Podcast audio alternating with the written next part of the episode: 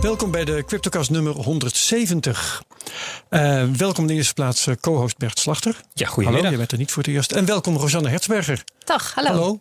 Uh, jij zit hier omdat je ongeveer een maand geleden een column schreef... Um, waarin je ehm, je ervaringen met bitcoin beschreef. En je eerste ervaring met de CryptoCast, die niet onverdeeld positief was. Nee. Ik zal niet citeren, maar we gaan, misschien gaan we het daarover hebben... maar we gaan het vooral over bitcoin hebben. Omdat ik het leuk vind om eens een keertje met een leek te praten. Dat doen we namelijk niet zo vaak. -hmm. Dat is een van de dingen uh, die jou opviel aan de CryptoCast, uh, als ik me goed herinner. Ja. Um, Oké. Okay.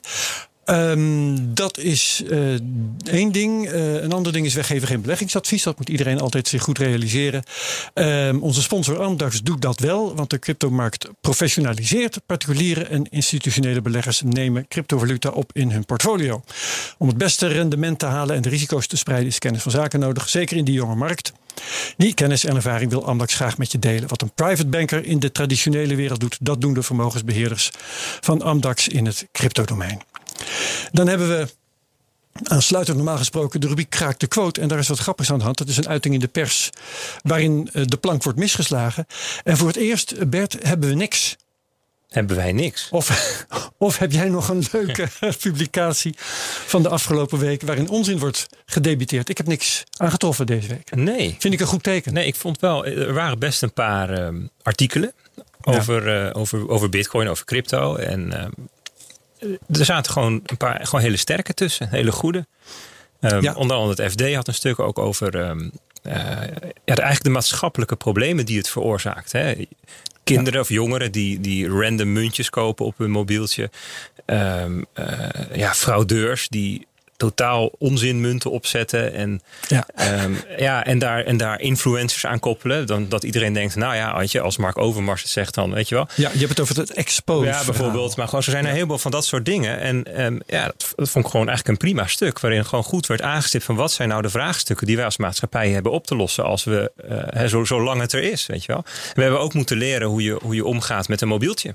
Hè, dat, dat je een, ja. een, een, een sms'je van de bank dat je daar niet zomaar op een linkje klikt. Want het nou ja. zou phishing kunnen zijn, weet je wel. En, en ook met sowieso publicaties op internet. Want ja. uh, opa heeft nog meegemaakt in uh, 1995 dat dingen die op internet verschenen zomaar voor waar werden aangenomen. En de wereld -hmm. heeft echt even moeten leren dat dat niet altijd het Ja, nou ja, goed. Is. Binnenkort, binnenkort krijgen we natuurlijk die deepfakes die, die, een, die, die steeds beter worden. En ja. we moeten straks gaan leren met elkaar dat als je als iets je op bewegend beeld ziet, dat het ja. niet per definitie ook waar is. Dus dat zijn allemaal ja, dingen die we als maatschappij met elkaar moeten leren. En kijk, tegenwoordig mijn kinderen, mijn oudste is elf en die krijgen op de basisschool dus gewoon, ik zeg maar zeggen, het vak um, uh, omgaan met media. Dus computervaardigheid, computerwijsheid, mm -hmm. weet je wel. Gewoon ja. van, uh, dat je dus geen blootfoto's stuurt naar, in de chat naar, naar klasgenootjes. Ja, Daar ja. moet je gewoon met elkaar over praten. Ik heb, um, wat, wat betreft deepfakes, heb ik niet zoveel zorgen eigenlijk. Want we zijn langzaam volwassenen in elk geval, um, toch wel doordrongen volgens mij. Ik weet niet of jij erover denkt, Rosanne.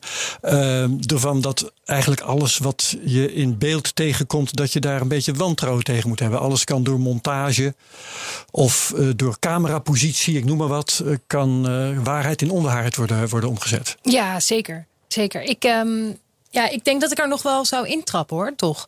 Dat ik niet meteen, ja. als, je een, als je een uitspraak ziet van een politicus of zo, dat ik er nog niet aan gewend genoeg ben dat dat ook een fake kan zijn. Ik ben dan wel iemand die dan gaat kijken, zijn er andere mensen die ik vertrouw en geloofwaardig vind die hier intrappen? Maar, maar ik denk dat we er massaal ja, met z'n allen in ja, kunnen trappen. Ja, maar dat is, dat, is het, dat is het probleem. Wat wat er ook mis kan gaan, is dat er iemand in onoplettendheid denkt, dit is echt. En dat een, dat een groot nieuwsbureau het dan publiceert. En dat iedereen op basis van die autoriteit dan niet meer kritisch is. Ja. Dat zou, dat zou, het zou mij ook, dat zou ja. mij ook gebeuren. Maar andersom gebeurt het ook. Dus juist omdat allerlei mensen die ik niet vertrouw iets uh, ter berde brengen of een, een bepaald onderwerp aansnijden, dat het daarmee niet meteen onzin ja, is. Ja, ja, ja. Dus uh, juist de, de complotdenkers die daar zeggen, uh, die bijvoorbeeld de hele tijd zeiden, ja, misschien is dat virus wel in een lab gemaakt. Nou, ik had de afgelopen weken daar een beetje op ingelezen. Niet dat ik daarvan overtuigd ben geraakt, maar die theorie het is in ieder kunnen. geval veel minder onaannemelijk dan ik dacht. Ja, ja, ja. ja. Nou, we moeten op tijd weer over crypto gaan hebben hoor. Maar ik vind dit toch leuk. Ja. Um, want ik las toevallig, dat, dat, en dat vond ik heel interessant. Um, Facebook is een tijd lang bezig geweest met al die beweringen dat het virus in een lab zou ontstaan, uh, die te deleten. En daar zijn ze nu weer van afgestapt. Dus in hun functie van poortwachter van de waarheid ehm, zijn ze van mening veranderd. Ja. Op grond van, ik weet eigenlijk niet precies wat, de maatschappelijke overtuiging, als er zoiets bestaat, denk ik. Uh, maar ja, of dat Washington uh, Street Journal uh, het erover ging schrijven. Ja. En geblokt werden of zoiets. Maar de vraag is, hè, omdat, omdat toch de veronderstelling. Wall Street Journal, sorry, achter niet de Washington Street. Oké, ja. ja. Ja, De veronderstelling achter dit soort acties is toch dat er iets zou moeten zijn als een objectieve waarheid. Dus, dus ik vraag me af, op grond waarvan doet Facebook dit nu, deze, deze omslag? En um, is die juist? Nou, Kun jullie daar iets van zeggen? Jij, jij bent hier de microbioloog in het gezelschap. Oh ja, ja nee, die, weten, die hebben altijd overal gelijk. Uh, nou, als het om virussen gaat, iets meer dan uh, nou de, de cryptosector hier. Ja, ik ga het toch nog maar een keer zeggen, maar ik ben geen viroloog. Ik ben echt een uh, kenner ja, van bacteriën. Um, maar um, ja, ik weet het niet zo goed. Wat eh, ik denk dat Facebook gewoon er last van heeft dat het algoritmes moet programmeren die uh, dingen opmerken. En die uh, aanslaan op bepaalde woorden en bepaalde combinaties en mm. zo. En, en er dan een stel specialisten aan, naar moet laten kijken. Volgens mij werkt het zo. Dus zij moeten gewoon best wel met één pennenstreek iets als verdacht bestempelen of als niet verdacht. Dus ja, dat zijn nogal grote beslissingen die je daarmee maakt. En daar maak je denk ik soms fouten in. Ja, maar wat, wat ik bedoel eh, is um, niet het algoritmisch beoordelen van, uh, van beweringen, maar het op voorhand uitsluiten dat het virus in een lab gemaakt zou kunnen zijn. Dat was de beleidslijn eerst. Mm -hmm. En het voor mogelijk houden dat het zou kunnen zijn gebeurd nu. Ja, ja, er zijn verschillende uh, kanten aan die theorie. Hè. Dus, dus wat vooral in de complotwereld rondging, was dat het opzettelijk is gemaakt.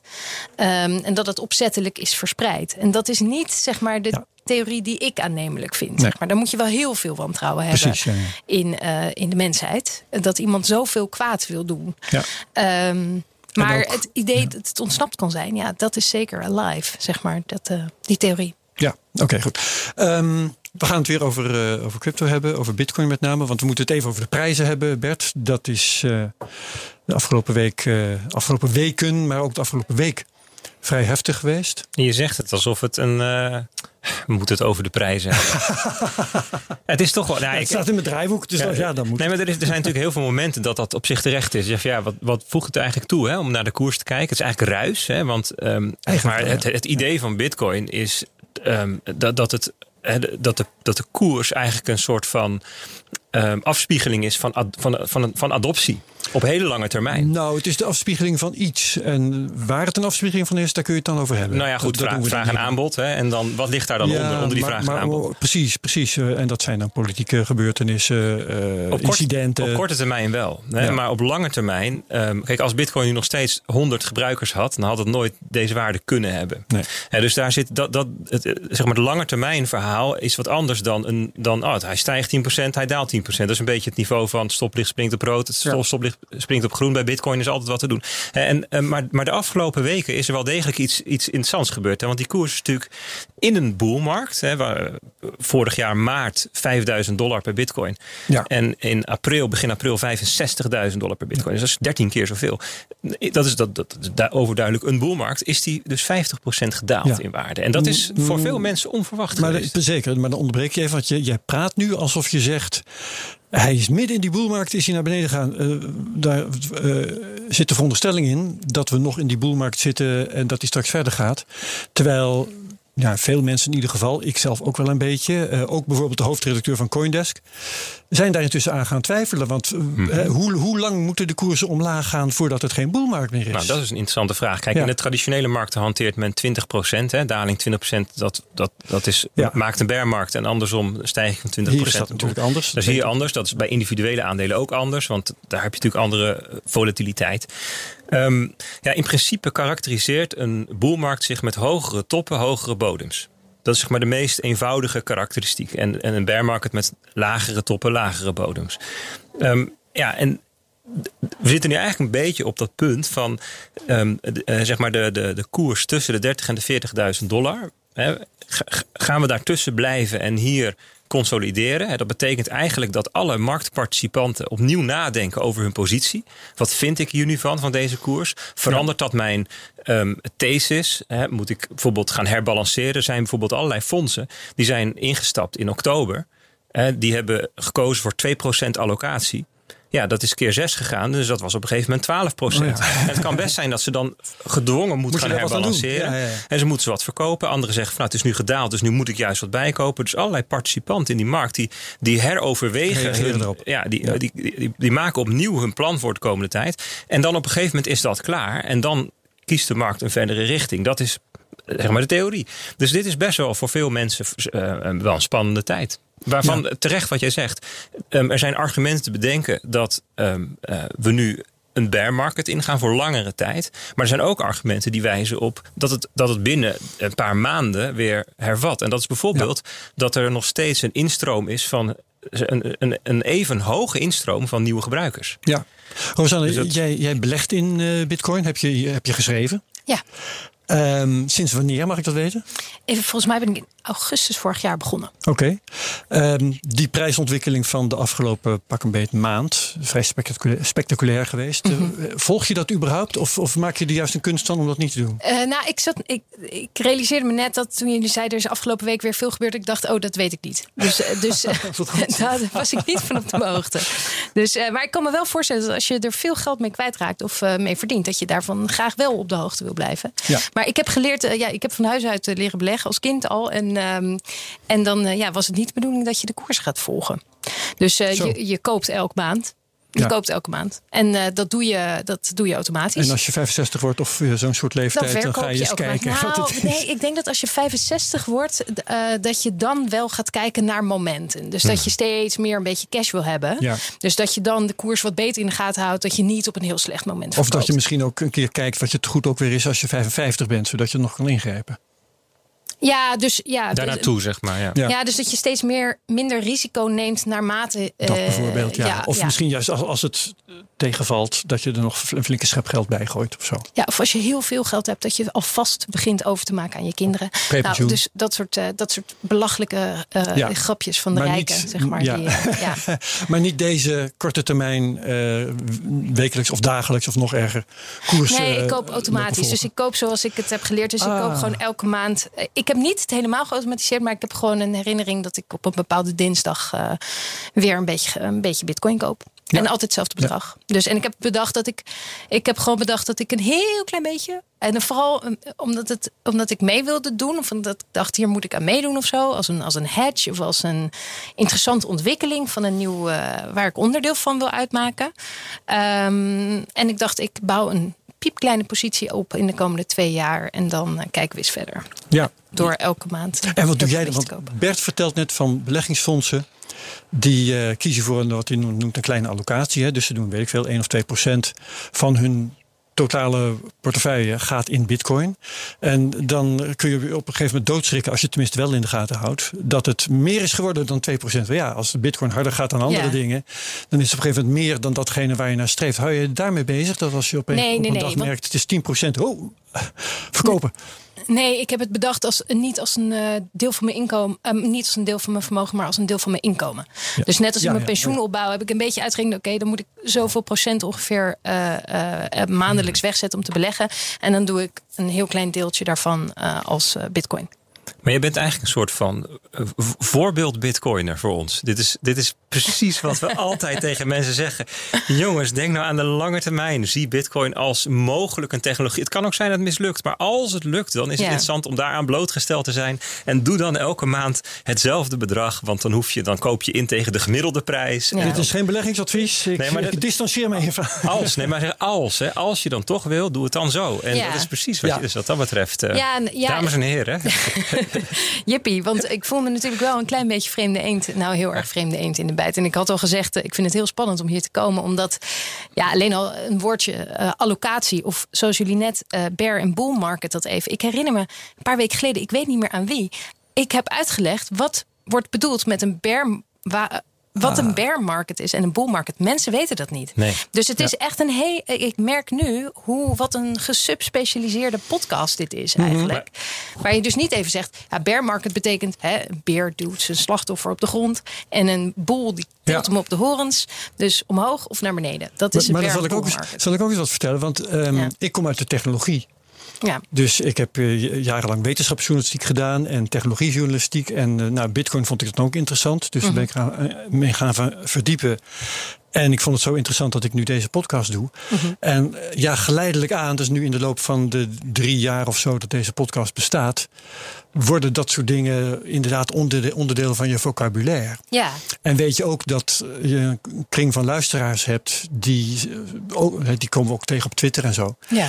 Die eh, ook dat soort dingen gewoon. Dus ja, dan ga je zo praten. En deze confrontatie is dan best wel leuk. Ik heb een vraag. Vind je dat ehm, te, terecht hè, dat je zegt van nou dat is voor veel mensen onbekend en weet je eigenlijk zou je er ook hè, dat ik zou zeggen zijn mensen die zeggen van ons geld zou zo goed moeten zijn dat je er niet druk over maakt en dat dat gewoon werkt en er zijn mensen die zeggen eigenlijk is dit een tekortkoming aan onze opvoeding of onderwijs dat we hier eigenlijk dat we eigenlijk geen beeld hebben bij hoe die financiële markten werken. Hoe, hoe, hoe kijk jij daar tegenaan? Ja, ik weet het niet. Het is wel, ik zie het wel als zeg maar een katern in de krant. Dus je kan je bezighouden met sport, je kan je ja. bezighouden met het buitenland, je kan je bezighouden met wetenschap en ook eh, de financiële, hè, de koersen die staan er, staan die er nog steeds in? Nee, ik In de denk het. Sommige Ja, ja, kranten ja, wel. FD waarschijnlijk. Maar, Die zeker. ja. ehm, dus eh, wat, wat je wel ziet. En weet je, heel lange tijd hoefde je er waarschijnlijk ook niet echt iets van af te weten. Omdat dingen gewoon geautomatiseerd waren. Je had gewoon, je kocht een huis, je nam een standaardhypotheek. Je kreeg een, vast, een vaste baan op een gegeven moment. Daar werd je pensioen. En dan hoefde je ja. niet. Je had niet veel keuzes om te maken. Nu hebben we volgens mij, hoeveel flexwerkers hebben we? Nou, een Te veel. 1 miljoen misschien. Eh, zou het 1 miljoen zijn? Ja, ik denk wel meer wel. zelfs. Ja, Misschien ja. wel meer. Ehm, en veel mensen van eh, onze leeftijd natuurlijk, of hè, eh, in de 30, in de 20. Mensen die zelf moeten nadenken over pensioen. Mensen die zelf moeten nadenken over wat ze met hun inkomen moeten doen en wat ze daarmee moeten beslissen. Dus het is niet meer zo automatisch. Ik ben gezegend met een eh, gouden lepel in mijn mond geboren en een generatielange belegging. eh.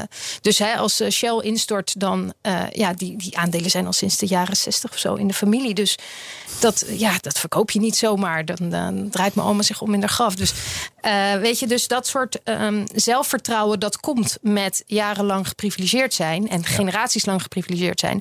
Terwijl je nu dus, ja, mensen die moeten dat zelf gaan uitmaken. Uh, we zien de uh, verschillen in rijk en arm toenemen. Mensen die korte termijn uh, winst en lange termijn winst. Ah, dat soort hele standaard beslissingen. Ja, die moet je wel leren maken. Dus ja, je, dat, moet dat je... zou ervoor pleiten om het wel aan mensen te gaan leren op school. Ja, ja ik denk het wel. Ja. Een soort van financiële geletterdheid of zo. Zeker, zeker. Ja, ja ik, ik, ik ben wel altijd voorstander van als je iets voorstelt dat in het onderwijs moet komen, moet je ook iets voorstellen wat eruit moet. Want je kan niet altijd. Ja, ja. Dus, Ja, ja. dus um, uh, maar ja. In Bernen Digitaal uh, pleitte laatst nog iemand voor het introduceren van uh, security onderwijs op de basisschool. En security is? Uh, computerveiligheid, zeg ja. maar. Oh, wachtwoorden, ja, ja, ja. wachtwoordmanagers en dat soort ja, dingen. ja, ja. ja, ja. Dus, uh, andere mensen pleiten voor programmeren.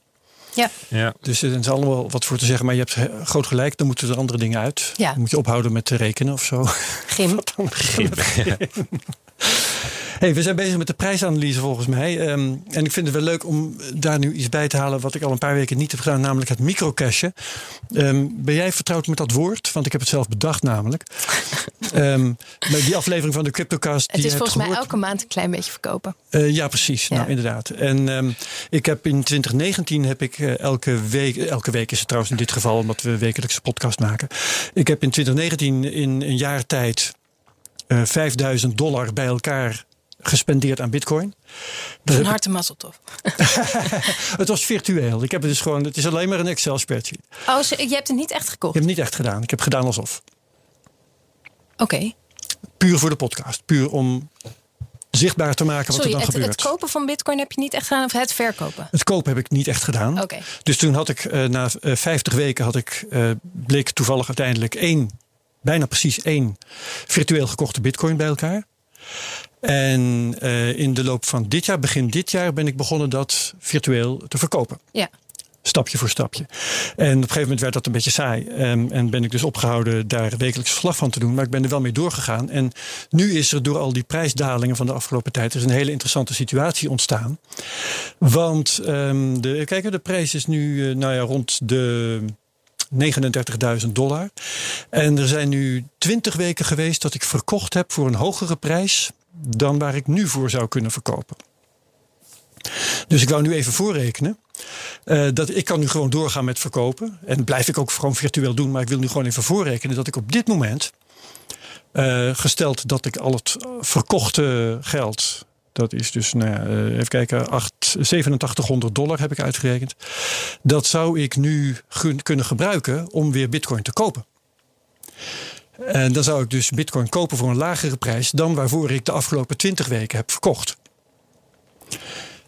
En daar zou ik dus winst mee kunnen maken als ik er tenminste van uitga dat de bitcoin op termijn weer verder stijgt. Ik snap de regels volgens mij niet helemaal. Ben je nog steeds aan het kopen nu? Nee, ik ben aan het verkopen. Alleen aan het verkopen. Ik ben aan het verkopen. En, je zegt nu, de berekening is, je verkoopt elke week een beetje. En uh, naarmate de koers daalt, uh, levert dat minder op. Ja. En nu kom je op een punt? Dat, uh, dat ik um, het geld dat ik de afgelopen 20 weken heb geïncasseerd. Ja. Daar kan ik meer bitcoin voor kopen dan ik ooit heb verkocht. Omdat de prijs is gedaald. Ik, ja, heb, okay. ik heb verkocht voor een hogere prijs dan de prijs nu is. Dus als ik het, uh, de, de, verkochte bitcoins van uh, de afgelopen 20 weken nu terugkoop. Dan kan ik zelfs nog meer kopen dan dat. Ja. Door de gedaalde prijs. En als je het doet om op termijn meer over te houden. Hè, of bijvoorbeeld op voor de toekomst een hoger inkomen over te houden, dan is dat dus gunstig als je ervan uitgaat Ja. dat hierna de prijzen weer gaan stijgen. Ja, maar dat is toch het hele idee van handelen? Eigenlijk wat je zegt, laag Ja. kopen, hoog verkopen. Nee, maar het is een, het is een belangrijk moment, het is een belangrijke afweging. En omdat iedereen dit vroeg of laat een keer kan tegenkomen die dit voorbeeld navolgt, vind ik het leuk om het te bespreken. Ik kan nu dus gewoon blijven verkopen. Nou, wat ik het aardige vind aan je, aan je microcashje is dat je, ik bedoel, jij vertelde net hoe je eigenlijk instapt hè, en dat je, dat je voorkomt dat je op de top koopt, doordat je gewoon eigenlijk de gemiddelde, de koers middelt van de periode waarover je koopt. Kan je dat ook doen als je wil uitstappen? Hè? Want dat is, in, dat is iets waar we het als bitcoiners weinig over hebben. Van, Ja. Er komt ook een moment dat je ehm, je droom gaat leven of je huis wil kopen of je, kinderen iets wil geven Precies. of, of eh, met pensioen gaat whatever, voor soort reden waardoor je ehm, eh, uit wil stappen. En hoe Ja. doe je dat dan? En, daar, Ja. en dat kan je dus eigenlijk op dezelfde manier doen. Ja, precies. En ik verzet me altijd tegen die hodl-ideologie van je, als je bitcoin hebt, die verkoop je niet. Nooit. Hè, er zijn eh, particulieren, maar ook zelfs mensen hoog eh, in de top van het bedrijfsleven die zeggen: Ik heb bitcoin gekocht en die verkoop ik nooit. Ja. Dan denk ik, oh. Eh, wanneer heb je er dan wat aan? Weet je wel, nou daar heb jij ook wel antwoorden op, dat weet ik ook wel, maar gaat er nou niet om. Ehm, in dit geval is het dus, het- is een, het is- je, je breekt met je strategie. Hè? Als ik nu zeg, ik kan eh, bitcoin terugkopen, heb ik meer bitcoin dan ik aanvankelijk had, dan, dan kan ik beschouwen als voordelig. Ik kan het doen, ik, maar ik breek wel met mijn strategie. Maar nou klinkt het toch wel heel erg in, in jouw woorden als een, een beleggingsobject. Minder dan een betaal, dan een munt aan zich. Ik bedoel, ik, Ja. Je hoort toch altijd, ja, bitcoin is niet alleen maar een, een Maar het is, ja, beleggingsobject. Het is ook, en dan zeg je, ja, wat heb je er dan aan? Nou, volgens mij zijn die, de believers, zeg maar de bitcoiners, Ja. die, degene die mij ook een soort van warm heeft gemaakt voor bitcoin, is iemand die heel vroeg een bitcoin heeft gekocht en Ja. zegt, nou, dit heb ik niet gekocht vanwege ehm, de opbrengsten, maar vanwege het systeem erachter. Ja, nou, en dat kun je mooi vinden. En dat vind ik ook mooi. Ehm, maar als je. Maar een huis is ook leuk. Een huis is ook leuk. je hypotheek aflossen en bevrijd zijn van die molensteen om je nek is ook leuk. Dus er zijn allerlei dingen die je kan doen. En in ieder geval vind ik die, die hoddle-ideologie, die vind ik een, eh, dat is eh, ja, speculeren op een toekomst waarvan je maar moet afwachten of die gerealiseerd kan worden. Hè, dus je kunt er, er zijn honderdduizend strategieën te bedenken. Je kunt ook zeggen, ik, eh, ga, ik, ik heb hier een bitcoin, ik ga de helft ga ik, stapje voor stapje cashen. En de andere helft bewaar ik om te speculeren op die toekomst. Kijk, Ja. kijk die hodl, de hodl meme is, een, is in eerste instantie een reactie op ehm, eh, de volatiliteit. En dus Ja. bitcoin is volatiel. En veel, me- voor veel mensen is dat spannend. Eh, sowieso, kijk, heel veel mensen die bitcoin kopen, dat zijn geen professionele beleggers. En een professionele belegger, die kan heel goed met volatiliteit omgaan. Sterker nog, eh, professionele traders, handelaars, die zoeken volatiliteit op. Want daar kun je eh, geld verdienen. Eh, die, die weten, die, ik bedoel, volatiliteit is gewoon een van de karakteristieken van een asset. En, en, en daar kun je dingen mee doen. Ja. Dus alleen voor, voor een particulier die, die eigenlijk niet veel anders kent dan ehm, het indexfonds waar hij met zijn pensioen voor inspaart en, en euro's, ja, die kan daar onwijs van schrikken. En de hodl meme is dus vooral bedoeld om tegen mensen te zeggen, joh, het is slimmer om het gewoon een aantal jaar, vier jaar, vijf jaar, tien jaar vast te houden, Mhm. dan dat je nu gaat proberen om slimmer te zijn dan de markt. Ja, En, en ik denk dat de, de, de gedachte van je moet het houden tot je dood niet eens in de, de, de, de, de, eerste bedoeling ervan is. Nou ja, ik, ik hoor dat eigenlijk wel zeggen hoor. Kijk, zo'n Michael Saylor van MicroStrategy, Tuurlijk. dat is het, eh, het eerste bedrijf dat op grote schaal Bitcoin kocht. Die zegt: We hebben Bitcoin en die verkopen we niet Tuurlijk. nooit. Tuurlijk. Ja. En dus, dus dat vind ik raar eigenlijk. Ehm, maar ik heb ook de indruk, eh, maar dan, je je moet inderdaad oppassen dat je niet de uitspraken van de een en de uitspraken van de ander eh, in je hoofd gaat, gaat laten je hebt kruipen ze in als- verschillende geuren en, en kleuren, Ja, zal ik maar nee, zeggen. maar die, die narrative, zoals we dat Ja. noemen, die, die eh, verandert steeds. Bitcoin is ooit bedacht als een betaalmiddel. En toen bleek dat niet te werken. En tot op de dag van vandaag werkt het niet echt goed als zodanig. Ehm, dus hebben ze nu bedacht, het is een store of value. Ehm, maar tegelijkertijd zijn de mensen die dat nu roepen, volgens mij toch wel voor een groot deel dezelfde mensen die zeggen: ja, hoddel, hoddel, hoddel. Ehm, want er is een toekomst dat we elkaar gewoon betalen met Bitcoin. Bitcoin wordt de wereldreservemunt. Mhm. Weet je wel? En voor mij klopt dat niet met elkaar. Er wordt het verhaal aangepast aan wat je, wat je graag zou denken. Ik vind Hoddle altijd een beetje klinken als een pubermeisje die op camping stapel verliefd wordt op een Italiaanse jongen. En dan zegt, ik hou van je voor altijd. Ja, ja, ja, En dan- Ik kwam laatst een woord tegen. Ik weet niet of jullie dat voorbij hebben zien komen. Jij misschien Bert eh biddle. Dat is dus Oh, bouwen, beeld. beeld, Ja, ja. maar dan Ja. bij het woord beeld de L en de D verwisseld. Ja. Dan, dat is dus in Bitcoin verband iets opbouwen.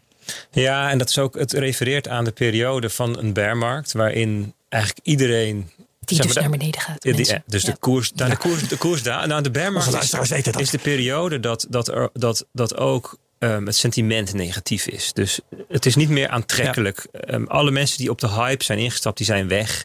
De bubbel is ge- gebarsten. En wat er dan overblijft, dat zijn ehm, de tienduizenden mensen die serieus met het project bezig zijn. Die software bouwen, die apps bouwen, die bedrijven opzetten, die diensten ontwikkelen, die eh, jurisprudentie maken, regelgeving. Weet je, dat, dat, dat netwerkeffect eromheen, dat gaat door.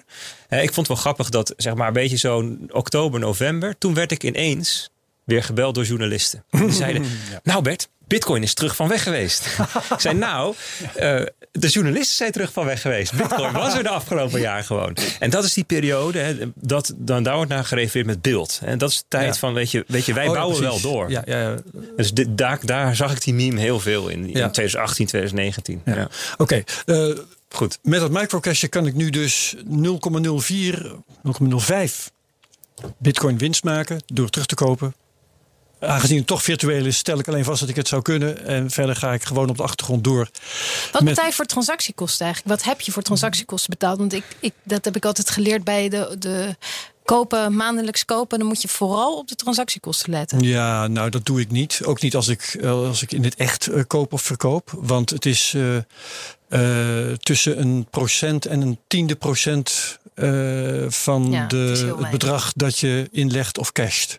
Bij Ik vind het niet relevant, dus zeker wel- niet voor zo'n Ja. virtueel experiment. Nee, oké.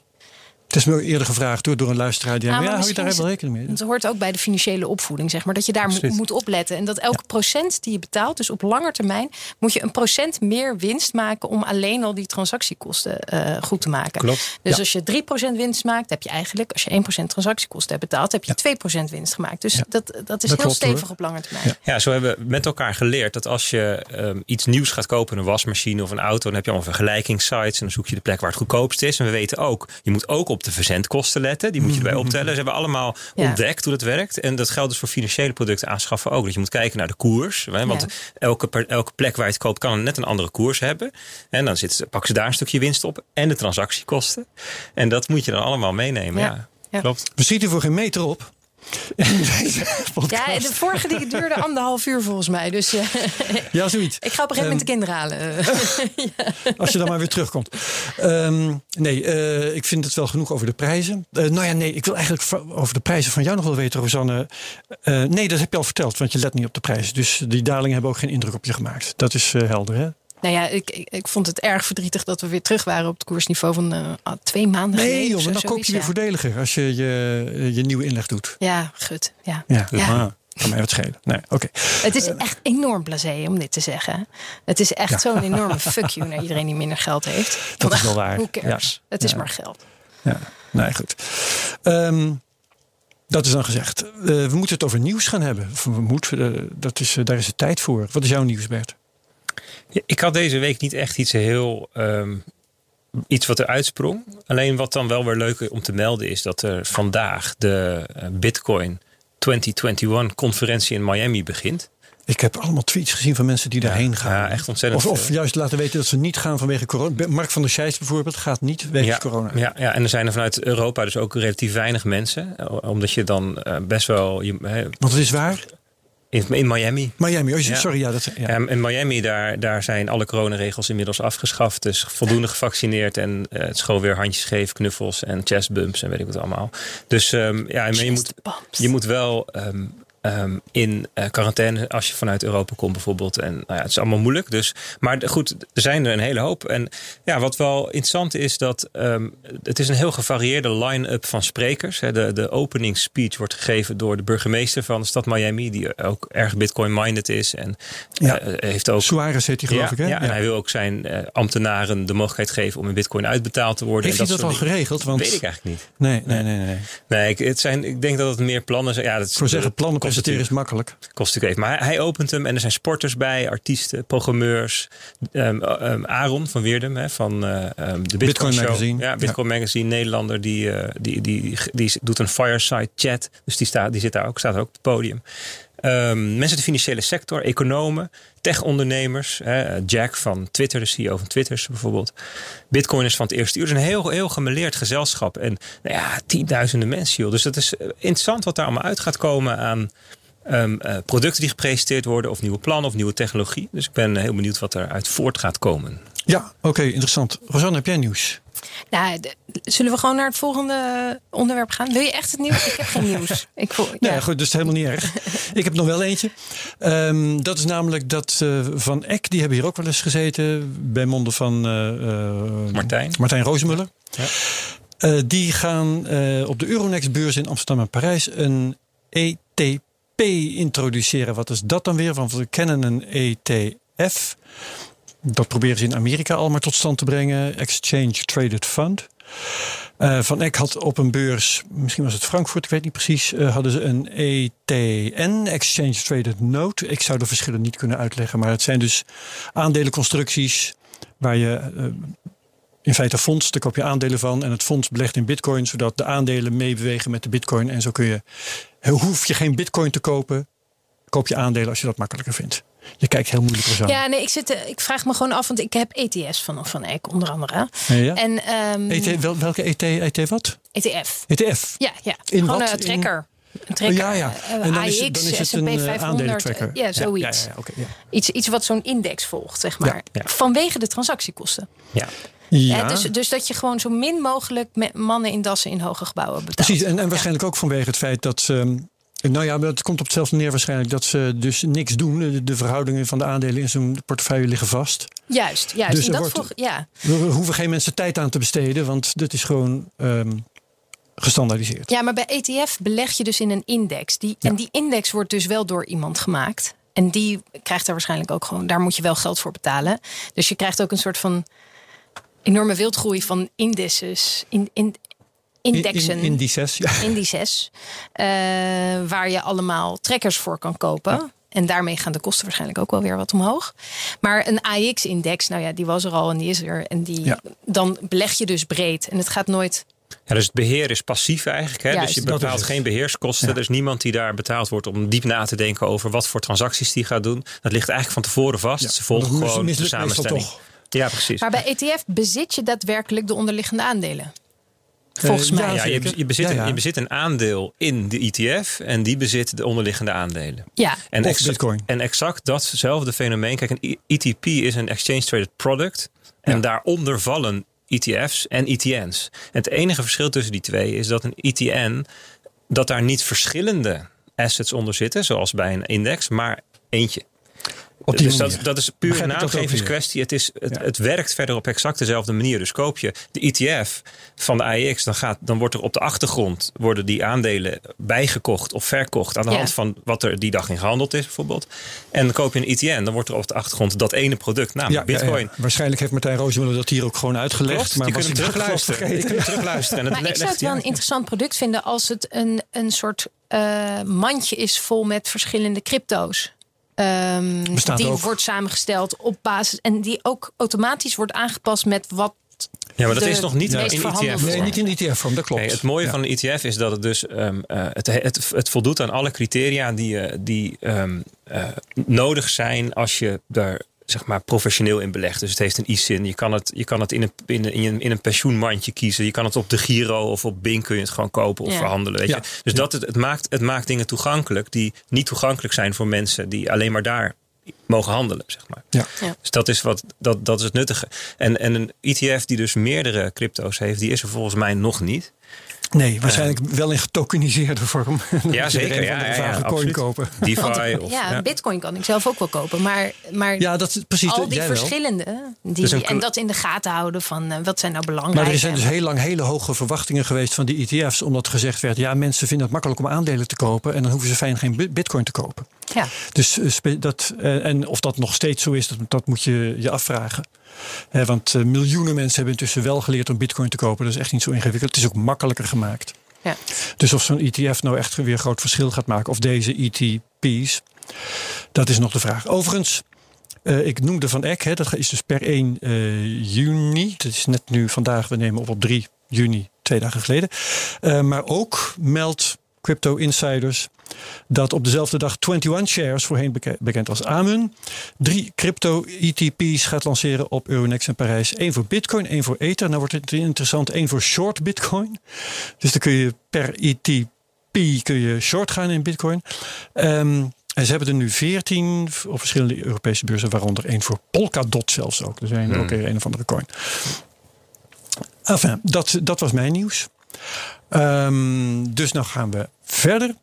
En eh, volgens mij, Bert, heb ik net zoals eerdere keren jou helemaal niet eh, serieus geïntroduceerd.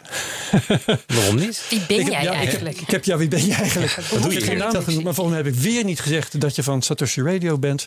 Van Lekker Cryptisch, of heb ik dat wel gezegd? Nee. Weet jij het nog? Nee, heb ik niet gezegd. Dus nu zeg ik dat. Ehm, want we zouden het ook nog even hebben over het nieuwe dat jullie doen.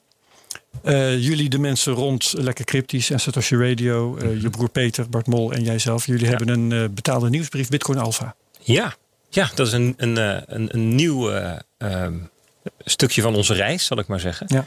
Ehm, en wat we hebben gedaan, en wat we hebben bedacht, is we, we maken een nieuwsbrief waarmee we mensen door het wilde westen heen loodsen. Want dat is Bitcoin soms wel een beetje, of crypto. Hè? Je, Ja. je denkt al snel, oh, SafeMoon, misschien moet ik daar wel in. en Dogecoin. En, Expose. ah, interessant. En wat moet ik ermee? Is het, is het, is het signaal of is het ruis? Weet je dat? Ehm, hè, wat is de impact van de tweets van Elon Musk? Moet ik daar iets mee of niet? Betekent het wat voor me? En wat bedoelen centrale banken als het over stijgende inflatie hebben? Wat betekent dat dan voor Ja, mij? wat bedoelen bitcoiners als ze het over inflatie hebben? Maar ook, hoe voorkom, hoe voorkom je nou dat je al je bitcoin kwijtraakt? Hm. Dat is ook zo'n vraag die mensen structureel hebben. Hè? Van, ehm, ja, als ik het zelf bewaar, dan kan ik mijn ehm, private keys, mijn, mijn recovery seed kwijtraken. Dan ben ik alles kwijt. Als, Ja. ik het, als ik het op een exchange laat staan, dan kan die failliet gaan of ermee vandoor gaan, ben ik ook alles kwijt. Hoe voorkom ik nou dat ik alles kwijtraak? Dat soort dingen, nou, daar schrijven we dan eh, nieuwsbrieven over. Ja, oké. En dat is leuk. Bitcoin Alpha. Ja. Ehm, zetten we in de show notes. Dus mensen kunnen er dan makkelijk bij komen. Nou, tijd om echt met Rosanne te gaan praten. Moet je mij nog introduceren eigenlijk? Ehm, nee, want dat heb ik volgens mij correct gedaan. Oké. Ehm, ik wil eigenlijk graag weten hoe jij eh, op het idee bent gekomen om je met Bitcoin bezig te houden. Oh, eh, een, een eh, buurtgenoot van Dat, mij. je, je vertelde dat er iemand was die. Ja, iemand was ja. die. En die, die, ja, dat is echt een, eh, ja, dat geloof ik een religieuze bitcoiner. Dus die. eh, En die daar luister jij naar. Nou, nee, hij, hij heeft wel inderdaad dat, dat idealistische ervan. Dat, dat redelijk anarchistische, decentrale ervan. Van je kan me toch niet pakken. eh, want ik ben van iedereen. Dat, dat vind ik wel een heel aantrekkelijk idee. Zeker omdat het echte geld steeds minder eh, ja, geloofwaardige politiek op wordt gevoerd. Ehm, En vind jij dat ook of vindt jouw zegsman Nee, dat? dat vind ik. Dat Dat vind ik. Vind en het, het viel bij mij een goede aarde, zijn verhaal. Ja. Ehm, en ehm, ja, toen ben ik gaan kopen. Klein beetje. Ik dacht, het is ook gewoon interessant voor mezelf. Voor, voor een column, voor eh, maatschappelijk betrokken zijn en zo. Ja. Dus ik dacht, ik schrijf er ook een column over. Ja, en overigens is dat ook mijn ervaring hoor. Dat als je eenmaal wat koopt, dat je dan veel meer geïnspireerd bent om eh, je ermee bezig te houden, om je erin te verdiepen. En dat je het op die manier dus gewoon veel meer erover leert. ja. Ja. Ja. Hey, en hoe bewaar jij je bitcoins? Want daar hadden het er net over. Bert had het over eh, hoe je ze kwijt Daar kunt wil ik niks over vertellen. Daar wil je niks over vertellen. Oké, oké. Dat kan ik me voorstellen. Dat, ehm, en dus ook niet hoe je ze beveiligt, want dat was de volgende Nee, ook vraag. niet. Nee. Oké. Ehm, en en hoe- heb, heb jij alleen maar die zegt of heb je intussen door ermee om te gaan ook zelf een idee gekregen van waarom het voor jou van waarde zou kunnen zijn? Is het voor jou puur een, een ding waar je geld in steekt en dat dan hopelijk meer waard wordt? Of ja. is het meer dan dat? Ook. Het, ik, ik vond het vooral ook interessant als een soort hedge. Dus als een soort beveiliging van mijn andere beleggingen. Hè, Ja. ik, we hebben, ik, ik- het, is, het is belachelijk hoeveel, hoe goedkoop geld is eigenlijk. En hoe ontzettend veel geld er wordt. Ja, bij, wijze van spreken, alsof de centrale banken gewoon op straat gewoon briefjes laten Ja, ronddwarrelen. nou, deze dat maar. Ehm, eh, ja, nee. Wat nee? Deze dat Deden maar ze nee? dat maar? Nee, nee, absoluut Nou niet. ja, Maar, dan zou het tenminste zou het niet blijven hangen. Nee, in, maar eh, weet je dat er, op een dag, dat er op een dag is besloten om de printer aan te zetten bij de Europese Centrale Bank. Ja. En dat die eigenlijk nooit meer is uitgegaan. Nee, dat is waar. Dat er wereldwijd zo ontzettend veel geld wordt gecreëerd. Ehm, eh, ja, en dan krijg ik een beetje hoogtevrees. Dus mijn huis. Waarom is dat een probleem? Dat, het, dat er zoveel geld wordt gecreëerd? Nou, dat het niet meer geloofwaardig is. Dat het geld niet. En het is, het is ook een moreel, het is ook een moreel gevoel. Eh, of een, ja, misschien een soort gevoelsmatig niet? probleem. Ja. Ja. Ja. Dat, dat geld steeds minder waard wordt. En dat. eh, ehm, Maar dat daar merken we niet veel van. Want er heeft Bert ook wel eens betoog over gehouden. Er is wel een assetinflatie. eh, Huizen worden steeds eh, meer. Ja, worden steeds duurder, kun je beter zeggen. Aandelen Ja. worden steeds duurder. Maar met de boodschappen in de supermarkt valt het wel mee. ja, dat, ja, je hebt stagflatie. Hè. Ja. Japan. eh, gewoon maximaal op, de gas, op het gas eh, drukken. En Ja. Hm. eh, niet vooruitkomen qua inflatie. En dat, ja, er zijn allerlei eh, zeg maar slimmere en, en mensen die beter geïnformeerd zijn. Die daar meer van af weten dan ik. Het voelt wel een beetje hier alsof ik, laten we zeggen, over het polstok hoog springen moet komen meepraten. dus over de, dus ik, ik, beweeg, ik begeef me hier op lastig terrein. Maar ehm, ja, dus ook een hedge inderdaad. Over geld wat niet bijgedrukt kan worden. Dat het. Wat ook een achter, achterhaald idee is dat je een soort gouden standaard hebt van eh, jongens, die, hier liggen de goudstaven en dit is de maximale waarde die we ook met elkaar kunnen verhandelen. Eh, maar Bitcoin, zoals eh, je broer eh, Peter een aantal weken over die po- podcast waar ik een column over schreef, heel goed uitlegde dat je dat ook ja, in duizend stukjes kan breken, wat niet kan met munten en zo. En dus ja, ik vind het gewoon heel interessant als betaalmiddel, als een toekomstig betaalmiddel. En het voelt een beetje Ja. alsof ik Shell aandelen koop in de jaren zestig. Ja. Ja. ja, ja, precies. En, en ehm, Die op een zou gegeven jij. moment dus ook weer, wel weer een, een problematische eh, aandeel wordt. Shell, ja. Ja, ja, ja. Ja. Nou ja, het, verschil- het ding is ook dat in de jaren 60 weet je nog niet zeker of Shell een heel erg groot succes wordt of niet.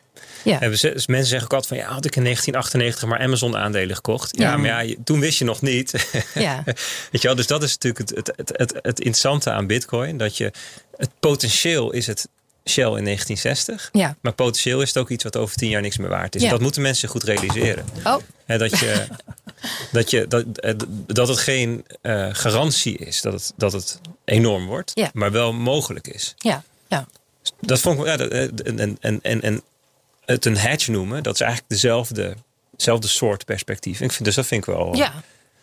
Ja, ik weet het ook eigenlijk niet. En weet je, ik zit hier ook, ik zit hier als leek. En zo heb je me ook geïntroduceerd. Ik ben natuurlijk niet helemaal leek. Als ik lees, ik lees wel mee. Nee, maar daarom vind ik het ook Ehm, interessant om te vragen. eh, Ja. Hoe kijk je eigenlijk naar die bitcoin? Wat Nou, zie jij erin? Wat, wil je ermee? En dan wil ik ook meteen naar het punt komen, zeg maar, waarom ik hier uiteindelijk aangeschoven Ja? ben. Ik ben op zoek naar informatie. Ja. Over deze nieuwe wereld, over wat een NFT is, over wat een nood is, over hoe dat nou zit met het energieverbruik.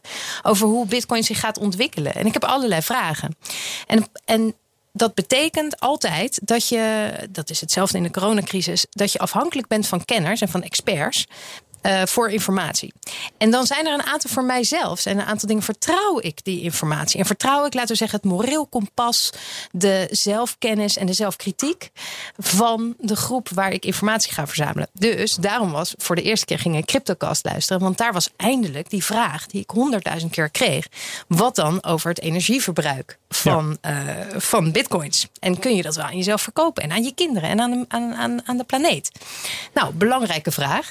En toen ging dus twee uur of anderhalf uur deze cryptocast uh, uh, luisteren. Waar, dat was een uh, ongelukkige keuze, want we, we, kwamen moeilijk op gang. Maar ga verder. nee, nee, inderdaad. Het, het, was wat laat. En daar gebeurde van alles in die podcast. Um, waar, waar ik heel erg begon te twijfelen aan hoe betrouwbaar ik de informatie vond. En dat is onder andere dus uh, meneer Gevers, die zat hier, Ricky Gevers. En die praten over Coinbase die naar de beurs was gegaan. En hoeveel dat had opgebracht. Ja. Hij vertelde daarbij dat Coinbase iets van de 30ste, de 20ste of de 30ste uh, uh, bit, een soort crypto-handelaar is. Qua grootte. En dat het een, een belachelijk bedrag had opgeleverd. En uh, ja, ik schreef ook in mijn column dat er toen niemand hier zei. Uh, god, dat, dat, klinkt wel als, laten we zeggen, dat, dat crypto de bananenschil is waar de reguliere economie over gaat struikelen, zeg maar. Dus dat, dat wordt een ramp. Want als, als al die uh, crypto's naar de beurs gaan, of die cryptobeurs of handelaars naar de beurs gaan, dan krijg je een soort enorme influx van geld. Nou ja, je vraagt je de hele tijd af. De AX staat nu boven de 700. Mijn huis is een belachelijke hoeveelheid geld waard. -hmm. Um, ik woon in Rotterdam-West en ik heb in 2016 gekocht. Dat is het. Nee, 2018.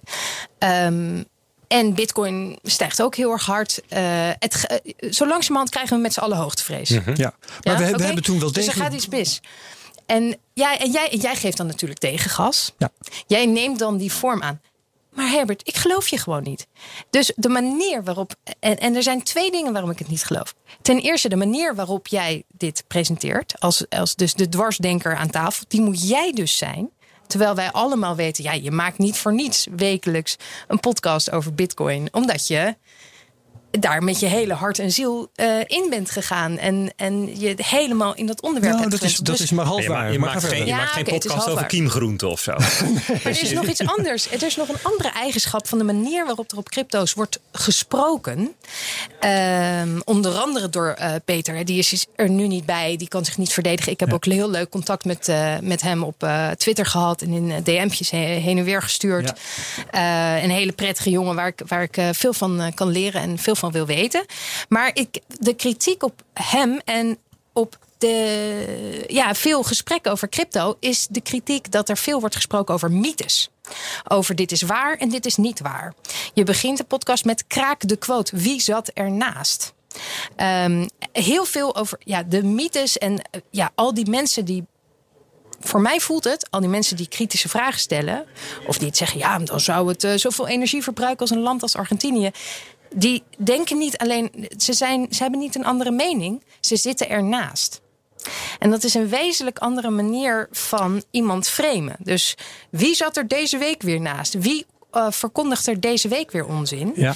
Terwijl ik zou voorstellen om die rubriek in deze podcast te veranderen naar waar hoorden wij een interessant en steekhoudend tegengeluid? Een argument uh, tegen het kopen van cryptocurrency of handelen in cryptocurrency. Ja, terecht. Ja, ja goed punt.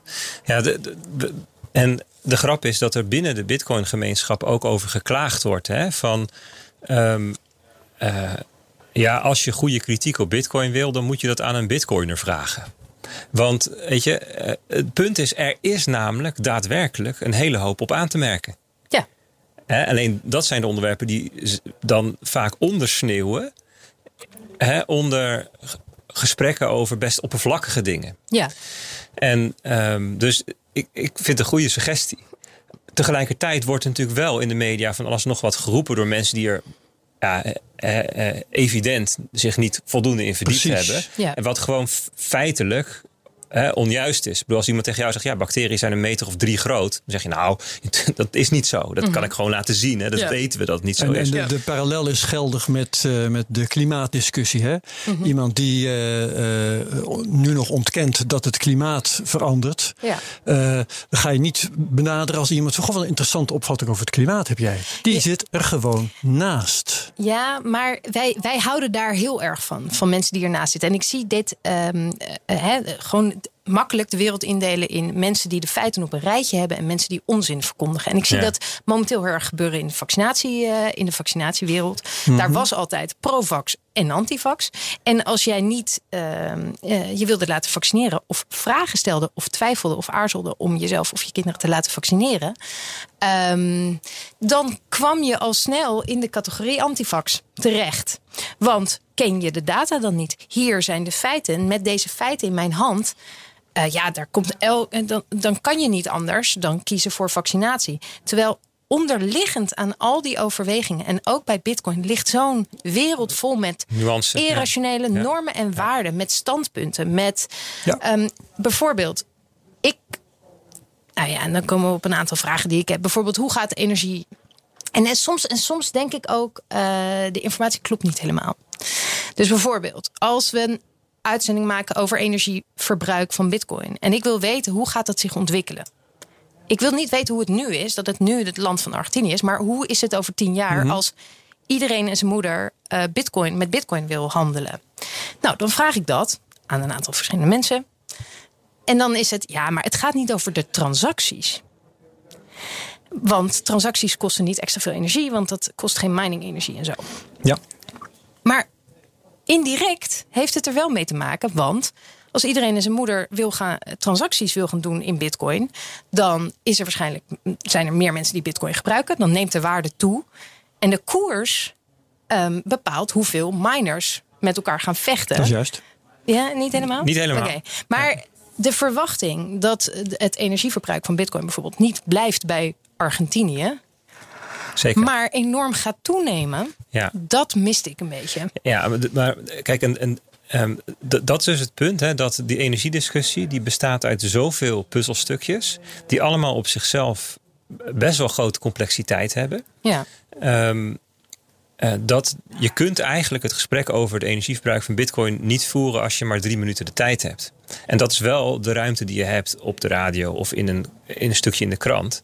Waardoor dit heel vaak ontspoort naar um, dat er een paar argumenten te kort door de bocht worden ingebracht. Van welke zijde dan ook. Die dan ja, inhoudelijk te kort door de bocht zijn. Want je ja. had de ruimte nou eenmaal niet. Ja. En um, daar wordt dan op gereageerd. Maar even als geïnteresseerde leek. Want ik, ben, uh, ik vind het hartstikke leuk, de complexiteit van de bitcoin en alle verschillende aspecten en zo. Maar ik, ik, ik ga me er niet verder, veel verder in verdiepen. Als ik een gemiddelde bitcoin koper of handelaar of transactie, weet ik veel. Ik ben gewoon een geïnteresseerde Mhm. leek. Mm -hmm. Gaat bitcoin nou heel veel meer energie verbruiken in de toekomst of niet? Mm, niet heel veel meer. Misschien nog een factor 5, misschien nog een factor 10. Dat is een, en dat is een beetje het maximum. En dat komt omdat de, de, de energieverbruik is niet alleen afhankelijk van de koers. Mhm. Mm -hmm. um, maar hij is afhankelijk van de beloning die miners krijgen. Dus het budget eigenlijk wat de miners samen met elkaar hebben voor de beveiliging. Ja. En het budget bestaat uit twee ingrediënten, namelijk de koers en het aantal bitcoins dat in omloop komt. En dat, de koers gaat omhoog, zeker. En het aantal bitcoins wat in omloop komt, dat halveert elke vier jaar. Dus in de loop der tijd wordt dat steeds minder. Ja. En gaat uiteindelijk he, praktisch naar nul. Ja. Um, en dan blijft over de transactiekosten. Ja. Dus uiteindelijk zal het energieverbruik van bitcoin stabiliseren op de koers maal de, of, nee, eigenlijk op de transactiekosten. Ja. ja. En um, dat, dat zal dus een evenwicht ontstaan. Dus, dus er wordt wel eens gezegd dat bitcoin binnen tien jaar meer energie verbruikt dan alle andere dingen in de wereld bij elkaar. En daar, daar heeft men dus een verkeerde extrapolatie ge genomen. Ja. En dat zijn dan de dingen waar we op reageren. Want daar zit dus een aanname onder die niet deugt. Ja, ja, ja. Hè? Um, maar het is wel degelijk zo dat bitcoin meer energie zal gaan gebruiken. Maar niet een oneindige. Er zit nee. een max aan, er nee, zit een plafond het, aan. Klopt. En het is dus ook niet afhankelijk van het gebruik in de zin van. Um, als je het aantal transacties verdubbelt, dan verdubbelt automatisch het energieverbruik. Dat is ook niet. En het is ook niet zo dat het energieverbruik per transactie um, zal groeien omdat het aantal transacties gelimiteerd is. Omdat je een gelaagd systeem bouwt. Hè, zoals het bankaire systeem ook gelaagd is. Je hebt, helemaal onderaan heb je een systeem tussen banken. Daarbovenop heb je, of nou eigenlijk zou je kunnen zeggen, je hebt goud als eerste laag. Je hebt bankbiljetten als tweede laag. Daarboven heb je wat commerciële banken doen, je bankrekening. En daarbovenop heb je nog Visa en creditcards. Mhm. Eh, ehm, en zo gaat Bitcoin ook een gelaagd systeem krijgen. In, in software maken we altijd lagen op elkaar. Het internet heeft ook verschillende lagen. Mhm.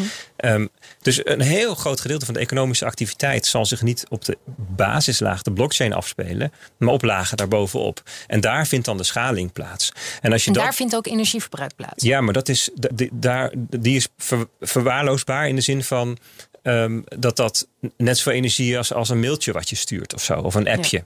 Ja. dus dat is, daar, daar, hoeft niet meer gemined te worden. En dus de beveiliging die bevindt plaats op de basislaag en de lagen erbovenop, die profiteren van de beveiliging van die onderste laag. Ja. Dus wat je eigenlijk ziet is dat het aantal transacties kan praktisch naar oneindig mhm. voor, voor de hele wereld met het energieverbruik wat constant is, afhankelijk van de koers en het aantal bitcoins wat in omloop komt of uiteindelijk de transactiekosten. Dus het mhm. zal wel stijgen. Ja. Um, maar niet met het aantal transacties. Um, en ook niet met de koers. Maar naar de transactiekosten toe. Dus dat is de complexiteit van het verhaal. Ja, het, stijgt, het stijgt wel, maar niet exponentieel naar oneindig. Ja, oké. Nou, goed te weten. Ja, wat, wat ik eh, leuk vind om nog even te vertellen, en dat, dat klinkt een beetje defensief, maar het is, terwijl ik het tegen jou zeg, zeg ik het ook tegen de luisteraars. Als het gaat om die rubriek kraak de quote, hè? Mhm. Uh, we krijgen daar allerlei suggesties voor. Mhm. En ik ben daar heel streng in. Um, we krijgen allerlei um, suggesties van mensen die signaleren een publicatie die hun niet bevalt. Mm En dan zeggen ja, iedereen is vrij om een of andere mening te hebben over crypto, die, uh, die jij misschien niet leuk vindt. Uh, en ik selecteer ze op serieuze feitelijke onjuistheden. En waar Bert ook al op hint. Um, uh, mensen die, ik zal maar zeggen, zich moedwillig uh, niet hebben verdiept in, ja. in, dingen. En die bijvoorbeeld bitcoin uitmaken voor piramides. Dat is trouwens ook iets wat in jouw column stond. Daar kunnen we zo misschien nog over hebben. Dat iemand die, het een piramidespel Het een piramidespel ja. noemt. Terwijl als je je daar serieus in verdiept. Um, en voordat je dat beweert, wat je moet doen als je daar, vind ik, over schrijft. Um, dan, dan kun je het geen piramidespel noemen. Ja. Ik heb verschillende, met verschillende mensen ben ik in discussie geweest hierover. En niet tenminste, ik zal een paar namen noemen trouwens. Misschien wel leuk. Zweden van Wijnberg. Mm -hmm. um, Boonstra, die is ook hier geweest Wim trouwens. Boonstra, ja. Wim Boonstra van de Rabobank. Hans de Geus van RTL. Die pas het boek heeft geschreven over de huizenmarkt. Allemaal mensen die bitcoin in eerste instantie uitmaakten voor een piramidespel. -hmm. En als ik met ze serieus in discussie ga, dan kunnen ze dat niet volhouden. En dan zijn moeten wel ze te uiteindelijk evangeliseren die mensen. toege- Ja. Nou ja, een anti-hobby noemen we dat. ja, precies. Ja, Als bitcoin anti-hobby. het is in feite, je vindt bitcoin niet leuk en dan noem je het een piramidespel. Ja. Waarom? Ja, weet je, als eh, iemand zijn bitcoin verkoopt met winst en een ander koopt het, ja, dan heeft die ander de winst betaald van wat degene nou die verkoopt. interessant is en waar, waar je naar zou, op zoek zou moeten gaan, is er waarom die mensen eigenlijk gekant zijn daartegen. En het is niet alleen maar ik haat technologie of ik haat andere mensen die rijk zijn geworden. Ik haat, uh, ik heb de verkeerde informatie. Dat zijn intelligente mensen die op basis van argumenten en niet alleen op basis van feiten waarschijnlijk een hele gezonde discussie over Bitcoin kunnen voeren. Is dat zo of niet? Ehm, Of hebben ze gewoon ongelijk? Voor, voor een deel. De, precies. de- Voor een ik- deel. Ik, ga nu niet voor de ene en de andere persoon dat specificeren, maar sommige mensen.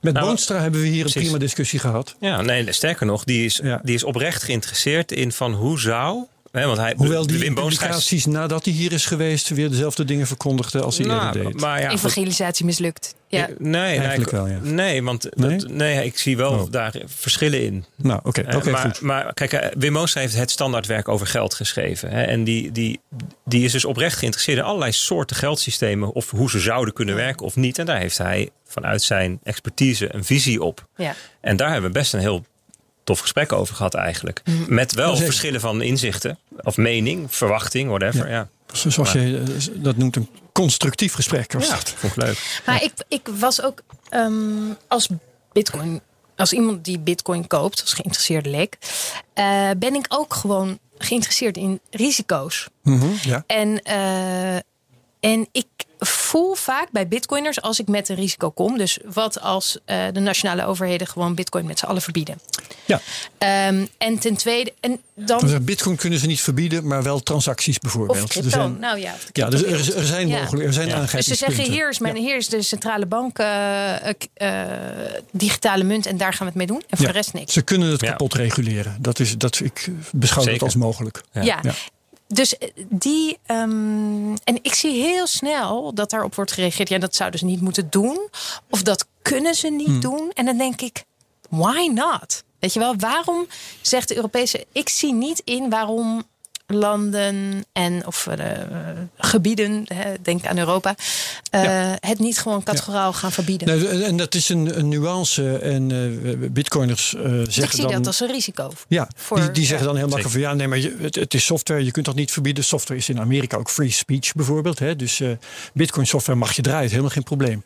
Wat je wel kunt verhinderen, dat is China heeft bijvoorbeeld de exchanges verboden. Ja, ja maar Herbert, is, met bitcoin is het heel simpel. Als er over tien jaar niet heel veel gebruik van gemaakt wordt, dan is Bitcoin dood. Hm. Omdat dan namelijk niet meer voldoende budget is voor de miners om het netwerk te beveiligen. Ja, dat zou goed kunnen. Ja. Dus, dus op het moment dat je het verbiedt, op het moment dat het de facto um, niet, niet bruikbaar is voor goedwillende burgers, zal ik maar zeggen, dan, en dan is het over tien jaar dood. Dat is, dat is even mij een hele brute, kort door de bochten uh, taxatie van het vraagstuk.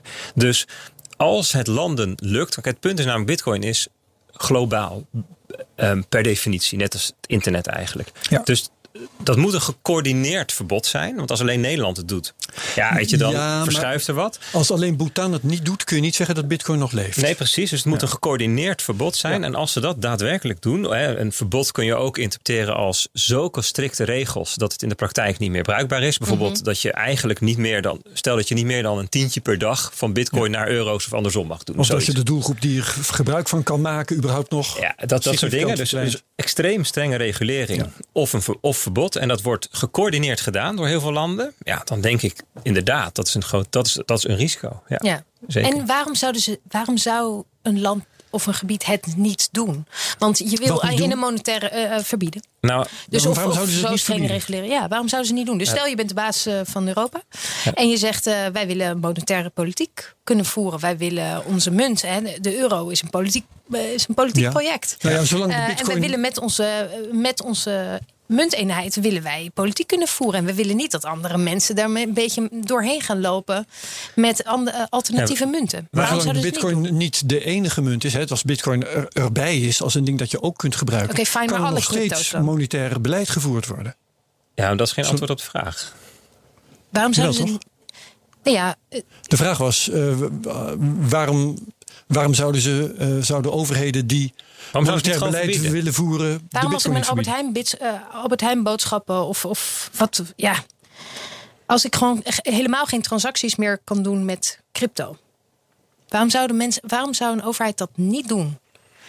Omdat het op zichzelf weinig, weinig kwaad kan. Als er ook een bitcoin is waar mensen in kunnen afrekenen. Maar als het een, als het, het een belangrijk onderdeel is van mijn economische politiek de Zo, en, en, ja, dus maar je dat eigenlijk als je, nee, wacht even, wacht even. als, je, uh, als je monetair beleid wil voeren, is het voldoende als er ook een euro is die op enige schaal gebruikt wordt. Maar als, als er ook een bitcoin is die daarbij ook wel eens gebruikt wordt, is dat geen beletsel voor je monetair beleid. Het gaat een beetje om de verhouding. Maar als een crypto daadwerkelijk een concurrent wordt van de euro, dus dat, dat het echt gangbaar wordt, zeg maar. Dat ik in de Albert Heijn gewoon mijn boodschappen Dan kan het geleidelijk aan een probleem worden. Ja. Nee, maar het gaat er niet om. Kijk, jij beargumenteert waarom ze het um, zouden, laten bestaan. Ja. Maar dus, jij vraagt waarom zou het niet verboden worden? Dat is een ander soort vraag. En um, ik, ik ben het met jou eens dat er best argumenten zijn waarom een ECB dit zou willen verbieden. En um, een van die argumenten is bijvoorbeeld de financiële stabiliteit. De FSB, de Financial Stability Board, die maakt er ook rapporten over. Hè, van is zijn cryptovaluta al een systeemrisico of niet? Dus daar wordt, daar wordt naar gekeken. Hè? En er zijn best nu al argumenten om te bedenken: ja, we zouden dit eigenlijk moeten verbieden. En alleen het lastige is dat je eigenlijk te maken hebt met een soort van concurrentie wereldwijd tussen landen. Mhm. Als Nederland het verbiedt, dan gaat er ook innovatie naar andere landen toe. En dat, dat wil men dan weer niet. Hè. Er wordt een land gunstig of minder gunstig voor het je werkgelegenheid, onderzoek. Het je, allemaal dat soort dingen spelen mee. Regulatory arbitrage noemt men dat dan. Dus dat er gebruik wordt gemaakt van verschillen in regelgeving tussen verschillende landen en gebieden. En um, een, een denkrichting is ook nog dat er allerlei landen of, of machtsblokken zijn die zeggen van nou. ehm, ehm, de, de, de, de positie van de dollar als wereldreservemunt, als belangrijkste eh, munt in de wereld, die is wel wat aan, minder aan het worden. Hè. De macht van China neemt wat toe. Misschien is het niet verkeerd om een soort van neutraal iets te hebben in de wereld. Wat misschien onderdeel kan zijn van een, eh, van een puzzel. Ja. Eh, dus er zijn ook redenen waarom men het nog wil, wil laten bestaan. En het punt is dat hoe langer ze wachten met verbieden, hoe lastiger op het gegeven moment wordt. Hè? Want als straks je halve ehm, volk bitcoin bezit.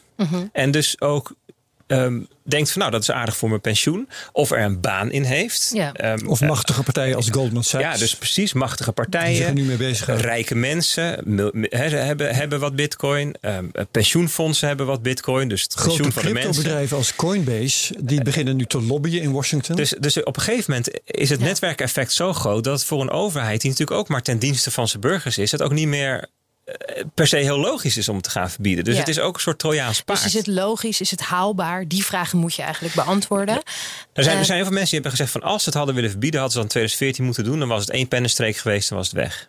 En nu zijn we eigenlijk al te laat in de zin van dat er zoveel mensen al ja, op een of andere manier mee bezig zijn. Gevestigd belang. Ja, Maar als je de grote machtsblokken hebt, zeg maar. Dus als we een nieuwe Trump in Amerika krijgen. En we krijgen China die echt monetair eh, Dat is heel interessant. beleid wil, wil voeren. En eh, binnen Europa, Europa valt uit elkaar.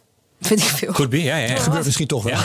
Nou, maar weet je, als je de, gewoon de grote, de grote economische machthebbers eh, krijgt. En die hebben allemaal belang erbij dat, eh, dat ze gewoon een monetaire gevechten kunnen voeren. Jij noemt Amerika, je noemt Trump. Dat is heel interessant. Want, eh, dus heb ik laatst gemerkt, heb ik nog over gepraat met Bernard Hammelburg hier. Ehm, het gebeurde opeens, eh, ik geloof in Texas.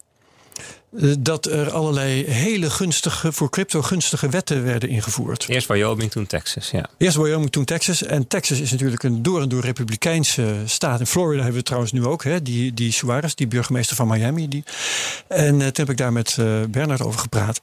En aan de ene kant zijn de republikeinen eh, zijn vaak helemaal dooraderd van eh, belangen van grote bedrijven. Zijn, zijn een beetje tegen. Eh, aan de andere kant zijn het ontzettend anti-overheidsideologen. Libertariërs. Ja. Libertariërs, precies. En die zijn juist ontzettend voor. Grab the guns. En Ja. zeiden wij altijd. in Amerika gezet. Ja. Maar, en dat, dat is een hele grappige be- belangenverstrengeling. Ja, ja. En het kan best zijn dat, eh, hoewel er dus sterke krachten zijn tegen crypto, juist in, eh, in Amerika, er zijn, zijn er ook hele sterke krachten voor. Ja. Ja, dat, En dat je ziet een- in Nederland een- ook dat, dat, dat aan de linkerkant heb je de SP, die, die hè, Mahir- Alkaya, die Bitcoin Ja. heel interessant vindt, ook als een soort van machtsfactor tegen commerciële banken. Ja, maar En- ook heel graag monetair beleid wil voeren, heeft Publiek- hij verteld. publiek dus die geld. euro absoluut wil handhaven. Ja, ja oké, maar je ziet wel de mogelijkheid dat die twee naast elkaar bestaan. En je hebt aan de rechterkant, heb je ook bij FVD en zo, ja 21, heb je ook mensen die zeggen, ja, een beetje Bitcoin vanuit het idee van inderdaad, hou de overheid uit je portemonnee en, Ja. eh, en uit je slaapkamer, beetje die.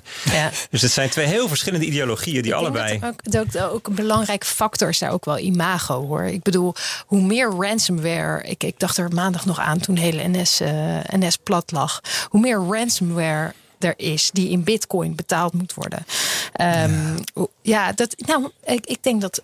Eh, drugs bijvoorbeeld. Stom, st- weet je, Ja. misschien kun je zeggen, ja, drugs dat is zo wijd verspreid, dat kan je niet meer verbieden. Ik bedoel, begin er nog maar eens aan. Is dat haalbaar? Nee. Eh, cannabis verbieden? Nee, precies. Nee, is niet haalbaar. En is het logisch? Nou ja, waarom zou je het doen? En op een gegeven moment wordt het meer een imago-dingetje. Dus het is ja. Ja.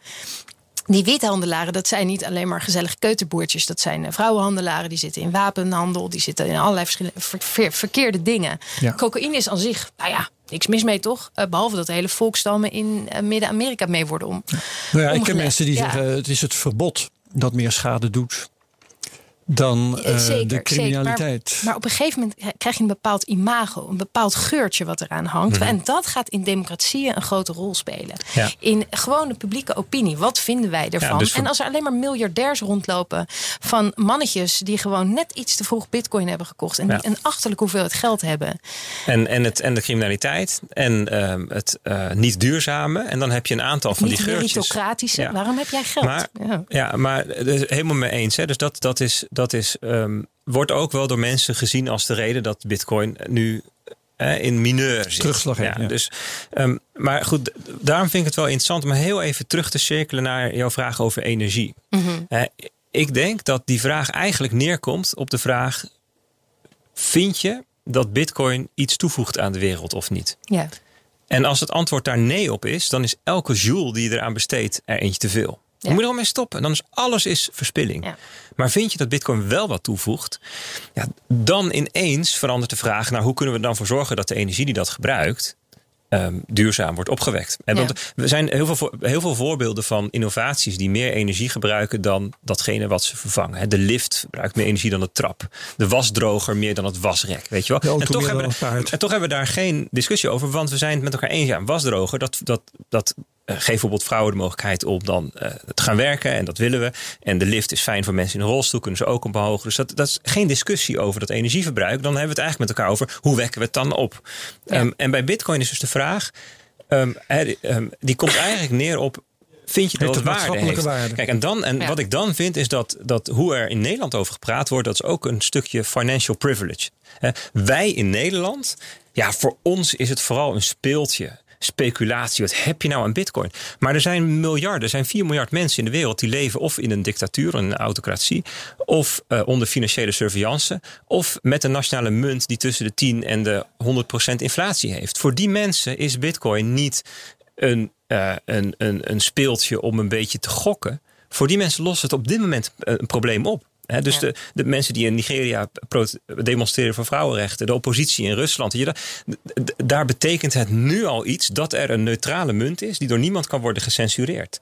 Ehm, en het is ook wel een beetje dus, ja, ik vind eh, Alex Gladstein van de Human Rights Foundation, die noemt het financial privilege. En dat vond ik eigenlijk wel een mooi woord, dat wij hier vanuit onze rijke, eh, dikke Nederland dan een beetje te oordelen over bitcoin. Eh, ja, het gebruikt toch veel stroom, weet je wel. En, en, dat, dat is ehm, en, en dan komt dus neer op de vraag van vind je dat, dat iets, iets, iets toevoegt aan Maar de wereld? dit is ook, en- Bert, hier vertrouw ik je ook weer niet. dit is ook framing. Want als je, dit is ook een manier om te zeggen: hey, weet je wat voor goede dingen er allemaal mee worden gedaan? Be- eh, weet je, voor, de, voor internet is het ook. Internet is een wereld en is gewoon compleet een, een parallel aan het werkelijke leven. En je kan wijzen op de kinderporno die er wordt eh, gemaakt en wordt eh, verspreid. En Ehm, en hetzelfde geldt voor Facebook. Weet je, alle lokale democratieën die ermee worden geboost. Er Ja. zijn allerlei verschillende hoeken die je kan innemen. En jij kiest hier nadrukkelijk ervoor om te zeggen: hé, hey, al deze mensen die niet, eh, geen toegang hebben tot een eh, stabiel monetair systeem of een vertrouwenwekkend, vertrouwenwekkende munteenheid of zoiets. Ehm, ja, voor hen is eh, Bitcoin een uitkomst of, of crypto is een uitkomst. Maar wie bepaalt Nou, in dit soort dingen waar de Terwijl er ook een bewijslast andere hoek, ligt? er is ook een andere kant aan te vertellen. Nou, nou, wie, wie bepaalt waar de bewijslast ligt? Hè? Eh, Ja, maar het jou- gaat niet om bewijs. Nee. Het is een Jawel. debat. Het is Ja, een en, debat. en, wat ik dus gra- graag Maar zou moet, je, willen is moet dat... je aantonen dat iets nuttig is of moet je eh, aantonen dat iets nutteloos is om het weg te krijgen? Nou, ik had laatst een gesprek met. ehm, het ging over misbruik op een school. En toen zei een van de ouders, eh, of een van de mensen die baat hebben bij goede toekomst voor die school, die zei letterlijk tegen mij: Waarom letten jullie altijd op al die kinderen die misbruikt zijn? Ik bedoel, let een keer, vraag een keer naar al die kinderen die niet misbruikt zijn. Snap je? Dus dat is geen argument. Dus op een gegeven moment is als er. Het is wel een argument, sorry. Nee. Maar eh, wijzen op wat er allemaal goed gaat. En er gaat ook ontzettend veel goed. Goed nieuws is PR, is lobby. Ehm, slecht nieuws eh, staat in de krant. Snap je? Ja, En die hoek. Dus de grote wapenhandelaren die in bitcoin handelen. De afpersingen. De ransomware. De, nee, nee het. Dus, platleggen van maatschappelijke systemen. Met bitcoin als wapen. maar dan zou je toch met elkaar moeten kijken naar wat brengt het ten... Hè, wat zijn de baten van bitcoin Ja. en wat zijn de lasten? Ja, En als we dat dan allemaal bij elkaar zetten, ja. is het dan netto positief of negatief? En als Ja. het netto negatief is voor de wereld, en dan moet je denk ik niet eens alleen kijken naar wat het nu is, maar waarheen het zich ontwikkelt, wat de vector is ervan, of wat de potentie is ervan. Mhm. En als je dat met elkaar beoordeelt, zegt nou, eigenlijk in praktisch alle toekomstscenario's die er zijn, is het netto negatief. Ja, dan is, dan is niet alleen elke joule er eentje te veel wat energie verbruikt, maar dan moet je er ook gewoon mee stoppen. ja.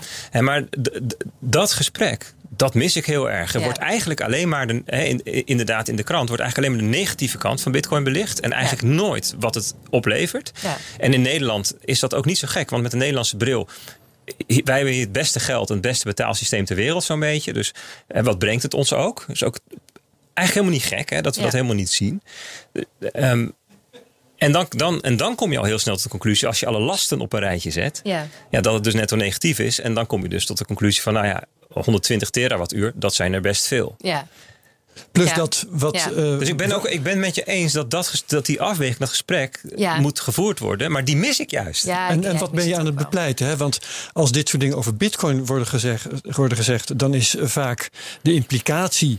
ja, we zouden het toch eigenlijk moeten verbieden. Hè? Dat is eh, waar, eh, waar het, eh, het argument dan vaak op uitdraait. Terwijl ehm, je ook, als het om, oh, jij noemde sociale media... dingen waar eh, eh, van alles mee mis is... daar wordt een debat over gevoerd. En het gaat nooit over, het zou eigenlijk moeten worden afgeschaft. Nee, het gaat over hoe kun je het reguleren dat het zich fatsoenlijk gedraagt. Ja. Ja. En dat, zou je, dat debat zou je over Bitcoin ook kunnen voeren. En dat dus niet met het uitgangspunt: we gaan het of toestaan of, of afschaffen. Ja, maar het valt niet te reguleren.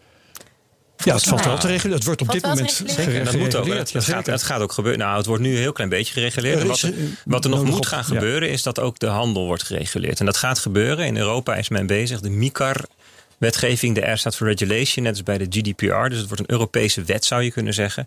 Die in 2023, als het allemaal mee zit, ehm, dingen gaat regelen als consumentenbescherming. En het verbieden van marktmanipulatie. Dus dat kan dan worden aangepakt. Ehm, prospectusplicht als je tokens in omloop brengt. Dus al, weet je, en dat wordt dan dus in heel Europa in één keer geregeld. Ehm, en in Amerika zijn ze ook met dit soort dingen bezig. Dus dat, dat is één kant van het verhaal. Het andere is denk ik ook dat we als maatschappij moeten leren om hier, hiermee om te gaan. En om te zien inderdaad wat de voordelen en de nadelen zijn. De kosten en de baten. Ehm, en dan daar een betere afweging in te maken. In plaats van heel oppervlakkig blijven wel eens niet eens eh, vanuit extreme. Ja. Ja. ja, en dan is er dat debat. En dan is er voor mij ook nog zeg maar de existentiële bedreigingen.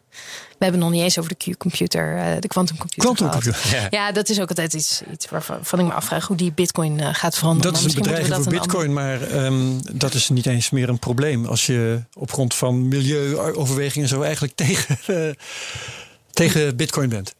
Nou, nou nog even de- dit onderwerp. Ja. Dus ik neem nu even van jou aan. En je moet me echt nu aankijken en zeggen dat je het echt, echt belooft.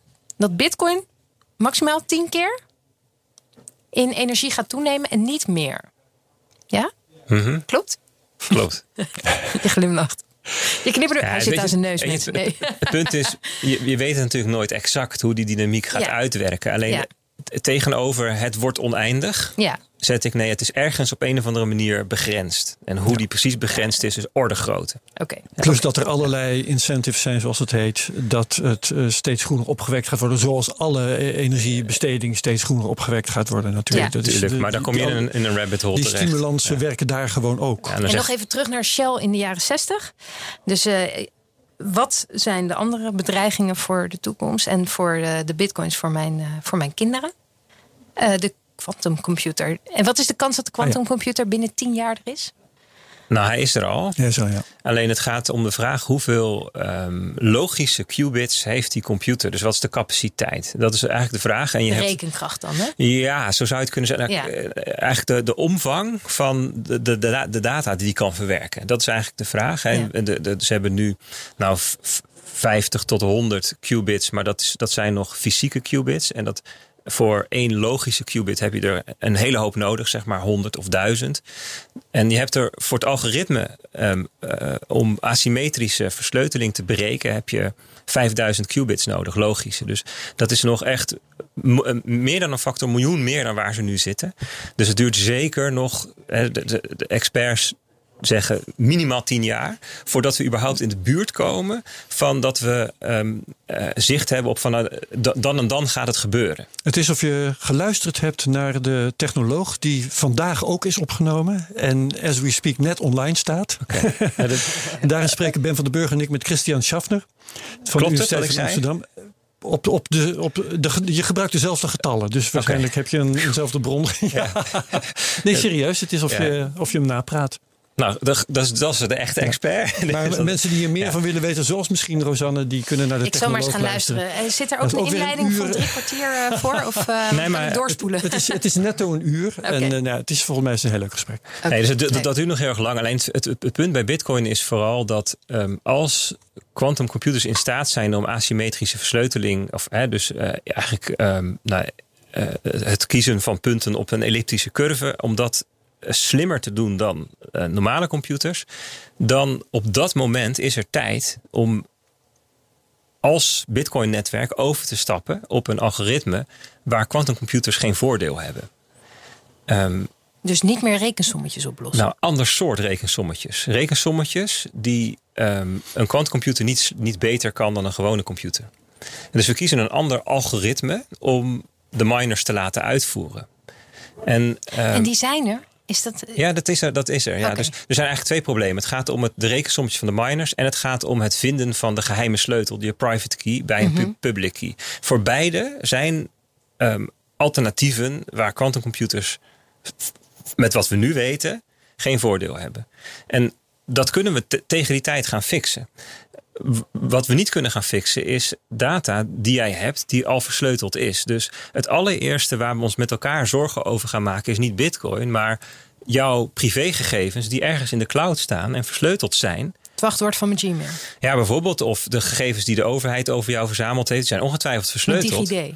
Nou ja, dat soort dingen. Die zijn allemaal versleuteld met dezelfde eh, versleutelingsmethodes. Alleen het punt is, ehm, die data, die, die hebben ze nu al.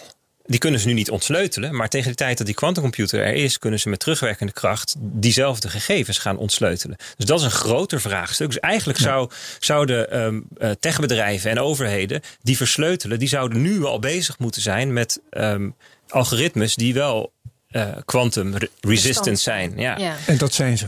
Christian vertelt in, ja, Christian vertelt in dat ze met banken in gesprek zijn. Ja, ja precies. Ja, dat- ja, ja. Om die reden. Hè. Dus, dus voor dat soort dingen moet je er echt nu al op anticiperen. Voor Bitcoin kun je het eigenlijk gewoon afwachten en zien ontwikkelen. En dan zien van, nou, weet je, dit is het moment dat we met z'n allen moeten overstappen op iets ehm, wat daar tegen kan. Ja.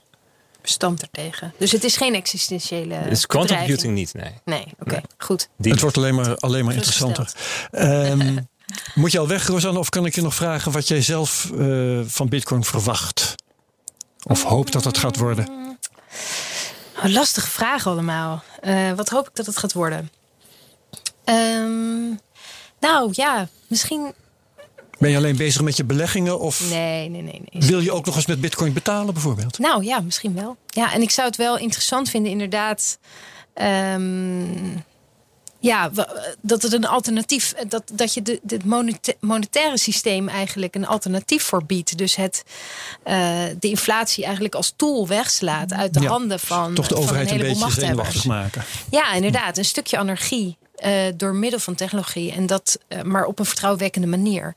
Ik ben wel heel erg benieuwd wat, eh, laten we zeggen, de scheefgroei en de, eh, de zeggenschap van eh, grote groepen mensen, wat dat gaat doen als Bitcoin echt groot wordt. Ehm, de- er komen een aantal belachelijk rijke mensen. Een beetje zoals de Rockefellers, die als Klopt, eerste olie, ja. eh, olie uit de Maar je grond hebt toch haalden. altijd belachelijk rijke mensen? Dat Ja, maar op een gegeven moment- andere belachelijk rijke mensen. Ja, maar op een het is gegeven een moment nieuwe gaat orde grootte. Ja, het is een nieuwe orde grootte. En op een gegeven moment eh, zeg maar, moet dat geld afgepakt worden. En dat klinkt heel heftig, maar dat is denk ik wel waar. Op een gegeven moment kun je niet accepteren. Eh, kun je een bepaalde manier van ongelijkheid kun je niet meer accepteren. En ik zie nu al dat eh, miljardairs eh, die gaan. En dat was mijn nieuwtje ook eigenlijk, komen we daar weer terug. Maar mijn nieuwtje is dat je een beetje dat on- ongemak over je eigen rijkdom afkoopt door heel veel te doneren aan charities, aan India, aan Afrika, ja, ja. aan weet ik veel wat. En zelfs dat. Eh, dus eh, hè, we zien dat eh, Bill Gates doen, we zien dat Soros doen en zo. En zelfs dat geeft een soort ondemocratische, laten we zeggen, met je Ja. volle financiële gewicht tegen een bepaald maatschappelijk onderwerp Ja. aanduwen. Eerst de maatschappij geld afhandig maken en, Ehm, En het daarna dan je eigen zin om je, doen. ja, en je Ja. eigen visie en je eigen. hè, dus als Bill Gates een bepaald vaccin uitkiest om ja, in die fabriek geld te steken, dat vind ik zorgwekkend. Omdat daar ook. Hè, En dan komen we ook weer terug naar het begin. Ideële en morele vraagstukken zijn.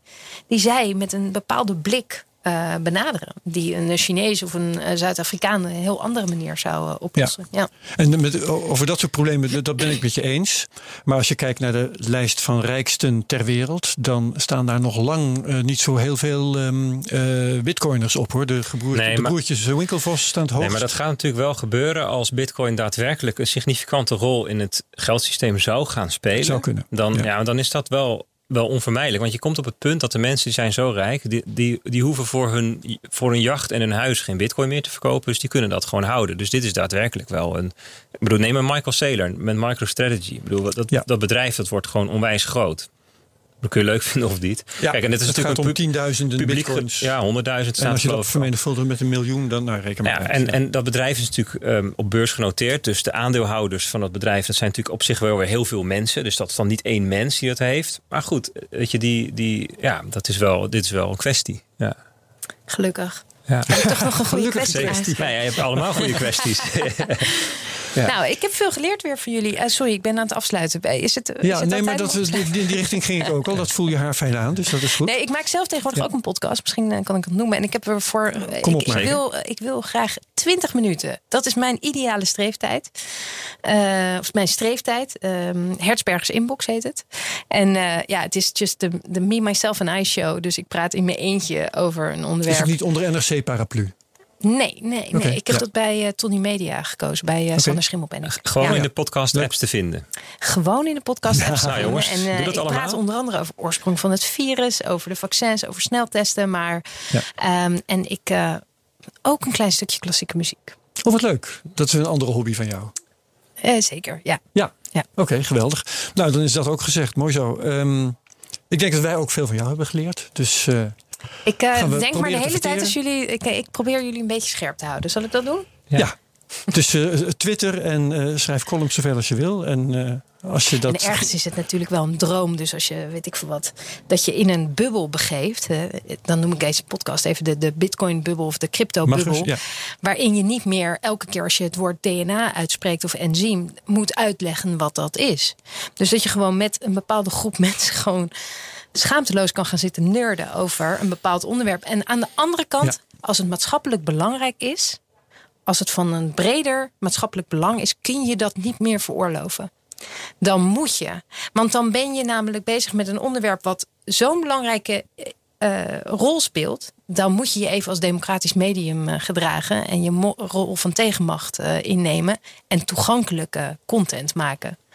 Ja, Daar ben nou ik wel van overtuigd. Hm. Als, eh, je mag nerden over mRNA totdat de hele wereld gevaccineerd wordt met mRNA. Dan moet je mensen gewoon maar eens even uitleggen wat het is. Ja, je hebt natuurlijk ook verschillende podcasts hè, die van extreem nerdy, die alleen maar begrepen wordt door mensen die er al tien jaar mee bezig zijn, tot en met heel erg op. Uh, er is bijvoorbeeld ook de beginnen met Bitcoin podcast. Ja, ja, maar bijvoorbeeld het nieuwe geld hè, van Rijn-Jan Prakke, ook van BNR. Die, dat, dat begint echt op het niveau van uh, um, de gewone burger die zich afvraagt van hoe zit het nou eigenlijk met die schulden en zo en wat kan enzovoort. Dus die, die, die neemt je echt vanaf nul mee, het, het verhaal in. Ja. Dus je hebt, je hebt natuurlijk ook Ik ben eigenlijk te hoog ingestapt. Ik zat, nou bij, ik zat al bij Bitcoin voor. voor wel. Ja. Want, weet, je, weet je, eh, dat, uh, want, dat wil ik dan toch nog eventjes te berde brengen. Uh, jij vroeg je bijvoorbeeld in die column ook hardop af... waarom leggen ze niet gewoon even uit of Bitcoin een piramidespel is? Dat woord is hier natuurlijk al eerder gevallen. En uh, toen dacht ik, ja, maar dat, dat, dat kunnen we toch niet doen. We kunnen niet voor elke toevallige luisteraar in elke aflevering dat gaan uitleggen. Dat, dat is gewoon niet mogelijk. Dit is allemaal gebaseerd op een misverstand dat deze podcast voor mij bedoeld was. Oké, dat kunnen we gewoon concluderen. Ja, nou ja, misschien luister je toch nog een keer in de toekomst. En anders nodigen we je gewoon een keer uit, dan moet je wel. Zal ik doen, zal ik doen. Um, Rosanne Hertzberger, heel hartelijk bedankt dat je hier was. Dat je ons uh, uh, bij de les hebt uh, proberen te houden. Bert Slachter, heel erg bedankt. Yes, um, tot in de volgende Satoshi Radio podcast. Lekker cryptisch en Bitcoin Alpha niet vergeten. Ja. Um, vond, je, uh, vond je deze aflevering leuk? Vergeet me dan niet te delen met je volgers op Twitter. Gebruik de mention at CryptoCast.nl. Laat je reviews achter op Apple Podcasts. Like, subscribe en comment op YouTube. En heel graag tot de volgende CryptoCast, tot de volgende week. Bedankt, dag. Deze podcast wordt mede mogelijk gemaakt door Amdax. Het handelshuis voor de serieuze cryptobelegger.